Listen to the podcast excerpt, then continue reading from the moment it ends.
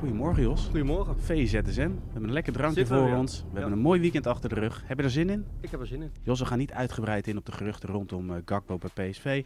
eh Toornstra bij Feyenoord en Anthony bij Ajax. Ehm, in de komende ja, dagen zal er genoeg over te melden zijn. En dat is ook te volgen op de kanalen van Voetbal International. Via de Clubwatchers. En we hebben er al genoeg over gemeld, denk ik, in het weekend. Absoluut. Zonder uitgebreid bij stil. Ja, zeker. Wat ik wel aan jou vraag, gewoon een korte vraag. Ehm, spelen Gakpo en Anthony na 1 september nog steeds in de Eredivisie? Wat denk jij? Ik denk Anthony niet en Gakpo wel. Oké. Eredivisie. Ajax en Feyenoord eh, kwamen in actie. Wonnen beide nip met 1-0.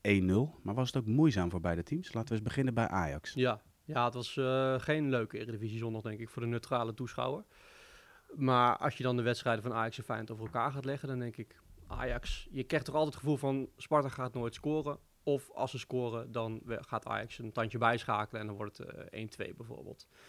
En bij Feyenoord had je toch wel iets van, dat was echt heel moeizaam. Dat vanaf de flanken liep het voor geen meter eerlijk gezegd. En dan hebben ze gewoon geluk dat er een speler van de RKC een fout maakt door een penalty te veroorzaken. Ja. Die Danilo binnenschiet. Maar dat was echt, dat was moeizaam. En ik vond Ajax, ja, het was, natuurlijk was het niet goed. Als je 1-0 wint van Sparta met zo'n sterrenselectie, is dat niet goed.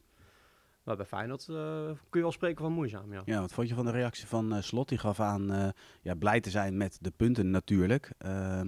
Maar tevreden was hij allerminst. Ja, nee, maar Slot vind ik altijd echt al sinds het begin bij Feyenoord echt het toonbeeld van realisme geweest. Die, die, die, die kijkt naar zo'n wedstrijd en die is gewoon heel eerlijk. Die, die zag ook dat het niet goed was.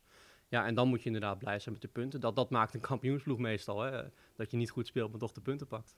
Een kampioensploeg, Jos, wat zeg je nu? Nee, ik denk niet dat Feyenoord bovenaan gaat staan, hoor. Maar dat, eh, ja, het begin is er in ieder geval, hè. Ik bedoel, ze staan nu gewoon tweede, dus... Hey, laten we het buitenlands voetbal er eens bij pakken. Ehm, straks op maandag, zoals bekend, altijd met Suleiman blikken we uitgebreid terug op, op alle wedstrijden. Wij gaan juist vooruit blikken. Ja, want vanavond is gewoon dé wedstrijd. Ja, maar, maar Julie gaat ook eh, kijken naar League 1, toch? Want we hadden eigenlijk weer met acht seconden stil te kunnen beginnen, hè? Ja, Ja, dat Paris Saint-Germain, Mbappé, eh Ja. acht secondjes. Wat Sparta dan niet doet, hè, op alle buitenlandse Ja, velden. ja, Goed ja. is dat, hè? Ja, dus we hadden iemand in het stadion zitten bij Lille PSG. Sorry dat ik nu nog even kort zeg, maar eh het was eh, Fabian van der Pol. Die zat eh, namens ons in het stadion. En die had even gevraagd aan de mensen of ze Sparta kenden, maar dat was toch niet het geval. eh. ze kennen Sparta Rotterdam, kennen ze niet. eh. Oké, toch niet. nee, toch niet. Oké, en vanavond hebben we natuurlijk de topper tussen, eh, ja, we kunnen spreken van de topper Liverpool en Manchester Ja, United. Gewoon een topper. Ja, zeker. Voor beide ploegen, want we hebben het alleen over Manchester United. Ja, nul punten, lastig. Maar goed, Liverpool is natuurlijk ook niet goed begonnen aan het seizoen.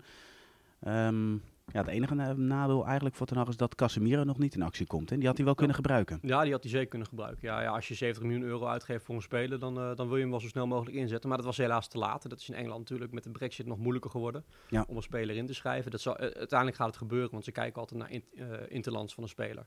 Nou, dat zit bij Casemiro goed. Die speelde zoveel interlands voor Brazilië.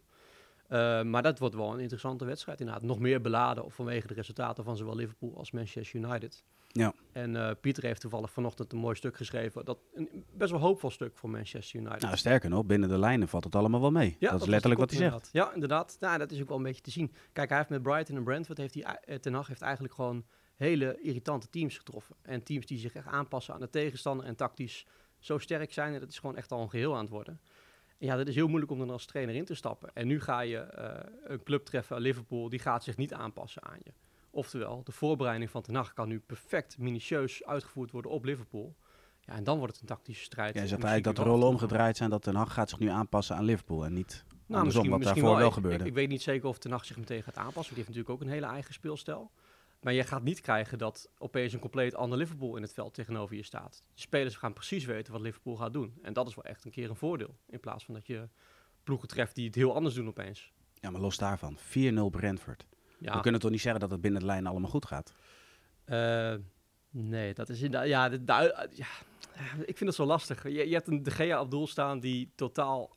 Ja, als, als je het heel bruut zegt, niet past bij het spel van Erik ten Hag. Nee. Die is zo onrustig op doel en die wil niet opbouwen. En je hebt volgens mij in de voorbereiding dat filmpje ook wel gezien toen de GA weer zijn bal naar naar voren peerde. Ja. Toen was uh, Ten Hag aan het schelden en dat hoorde je goed aan de zijlijn.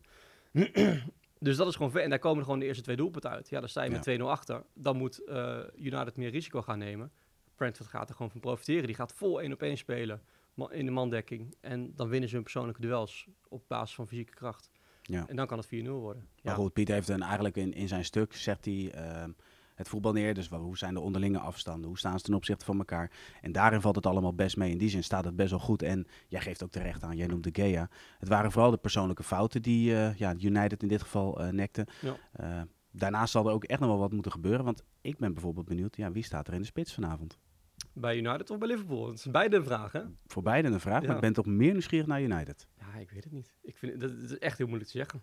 Zou zeggen, je kunt gewoon weer Cristiano Ronaldo voor inzetten. Dat is natuurlijk altijd goed. Maar ja, er speelt nu zoveel rondom hem. Ja. Ik weet het niet. Is Martial fit? Ik weet het niet.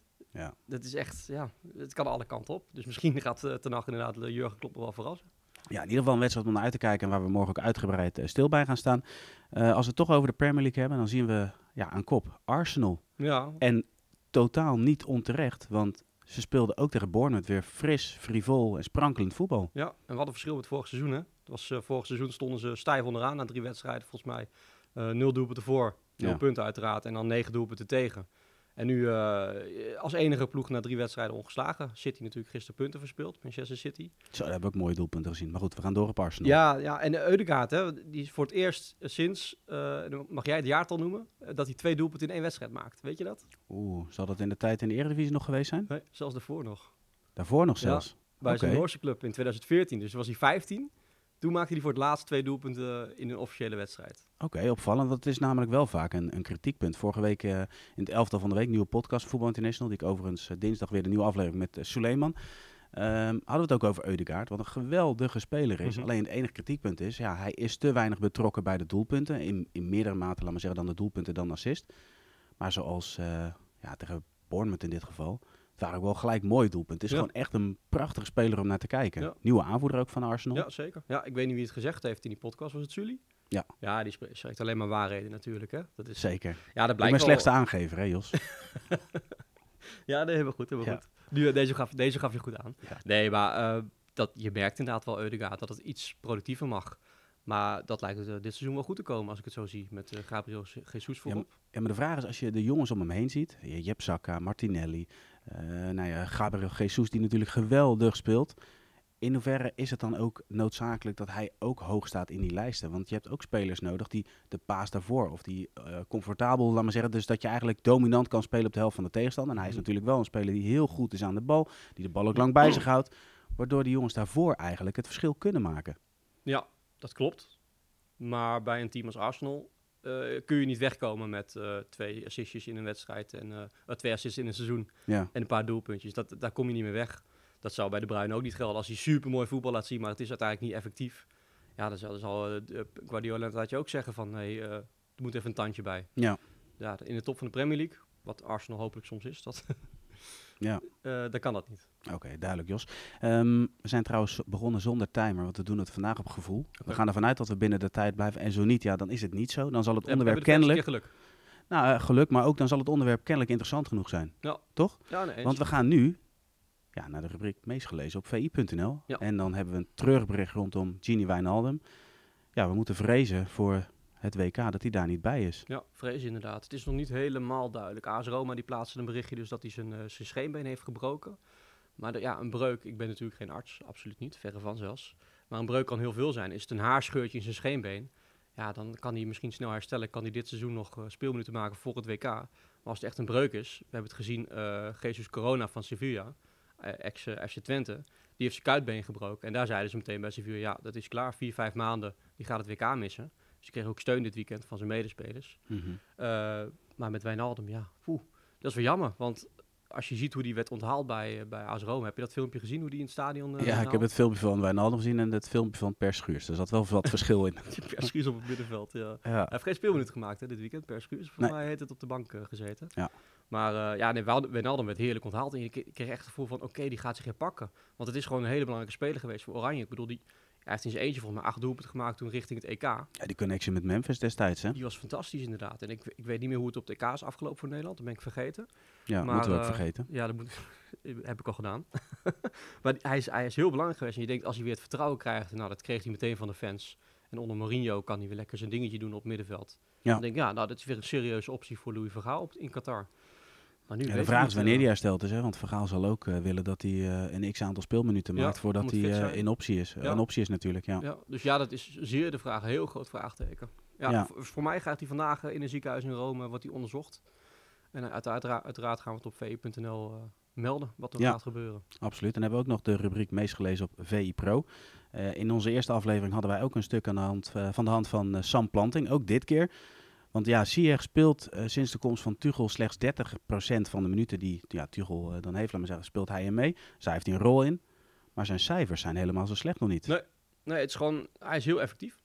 En dat is bij Ajax lang niet altijd zo geweest. En bij Heerenveen en bij ook niet. Maar hij is heel effectief. Dat zal ook te maken hebben met, met de kwaliteit van de, van de spelers voorin. Ja. Als je een paas geeft, dan is een speler van Chelsea misschien eerder dat hij een doelpunt maakt dan een speler van Twente of Heerenveen of Ajax. Uh, ja, maar lekker. En, uh, ik vond de meest opvallende, Jos, uh, we hebben het vaak over expected goals en ex uh, expected uh, assist.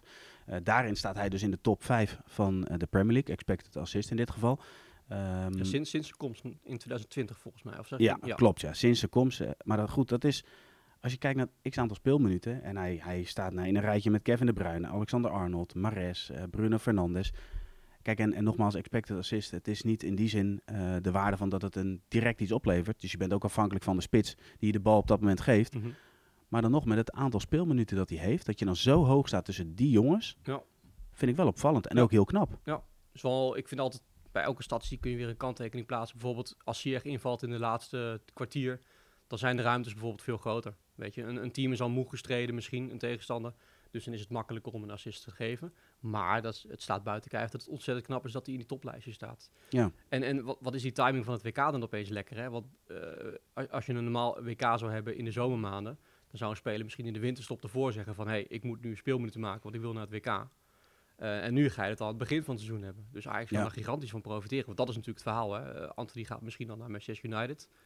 Ja, verwacht misschien van wel als, uh, als het bod hoger wordt. Ja, en dan zie je echt terughalen. Dat is denk ik voor de fans alleen nog fantastisch. Maar denk ik voor Ziyech en Ajax zelf ook. Ja, ik moet zeggen, ik verwacht morgen ook als meest gelezen of meest bekeken... Uh, dat Ziyech weer een rol gaat spelen. Want uh, vanochtend uh, ja, een video met Freek Jansen. Die vertelt ook over dat Ziyech echt nog wel... Ja, in die zin dat, dat Ajax een stap door kan zetten, laat maar zeggen, met de komst van Ziyech. Sterker nog, dat ze er beter van worden. Ja. Nou ja, wat verwacht jij daarvan? Ja, als het zover gaat komen. Ja, daar ben ik wel mee eens. Ik bedoel, hij is niks voor niks de tovenaar van Amsterdam, werd hij genoemd. Het, wat hij kan met een bal, dat is fantastisch. En die maar je zegt wel iets. Want uh, hij zou dan als opvolger van Anthony komen. Ja, ja ik ga nu iets, iets zeggen wat misschien niet leuk is. Ik, de hype rondom Anthony is enorm toegenomen sinds de wedstrijd tegen FC Groningen. Maar als je kijkt naar vorig seizoen, zijn statistieken, ik, uh, ik, ik, ja, het was niet fantastisch. Een handjevol doelpunt, een handjevol assist. Ja, als je daar 80 miljoen voor wil betalen als Manchester United zijnde. Ik vind het een groot risico. En uh, Anthony heeft ook heel veel dingen fout gedaan vorig seizoen. Weet je, het was allemaal heel friv frivol en een mooie aanname achter het standbeentje. Maar je uh, vertraagt het spel er wel gigantisch mee. Dus ja, een Ziyech, wat dat betreft, die was zoveel effectiever in zijn tijd bij Ajax. Dus ja, ik snap wel dat Freek Maar dat, dat is dan in, in harde cijfers is dat effectiever. Want als je Anthony is natuurlijk niet de pasende speler die Ziyech is. Mm -hmm. Maar Anthony is wel een speler die heel veel acties maakt. En dus heel veel spelers van een tegenstander aan zich bindt. Waardoor Ja. andere jongens veel meer ruimte krijgen. Ja, nee, dat is wel waar. Terwijl alle lichten hier ondertussen Ja. uitgaan om ons heen. Nee, dat is absoluut waar. Uh, ik denk dat je voor Anthony iets kan zeggen en voor Ziyech iets kan zeggen. Ja. Uh, maar ja, wat wil je uiteindelijk zien? Wil je uh, doelpunten zien of wil je mooie acties zien? Ik denk dat na een tijdje een combinatie moet worden. Maar, en dat had, had Anthony tegen Groningen. Dat, dat was fantastisch. Alles lukte. Ja, absoluut. Uh, maar vorig seizoen lukte zeker niet alles. Nee, zeker. Nou jongens, jullie horen het al op vi.nl. De nieuwe video met Freek Jans die uitgebreid ingaat op de mogelijke komst van, van Ziyech. Nou, dit was VIZSM voor vandaag. Wederom bedankt voor het kijken en voor het luisteren. En we zijn morgen weer terug met een nieuwe VI ZSM. Doei!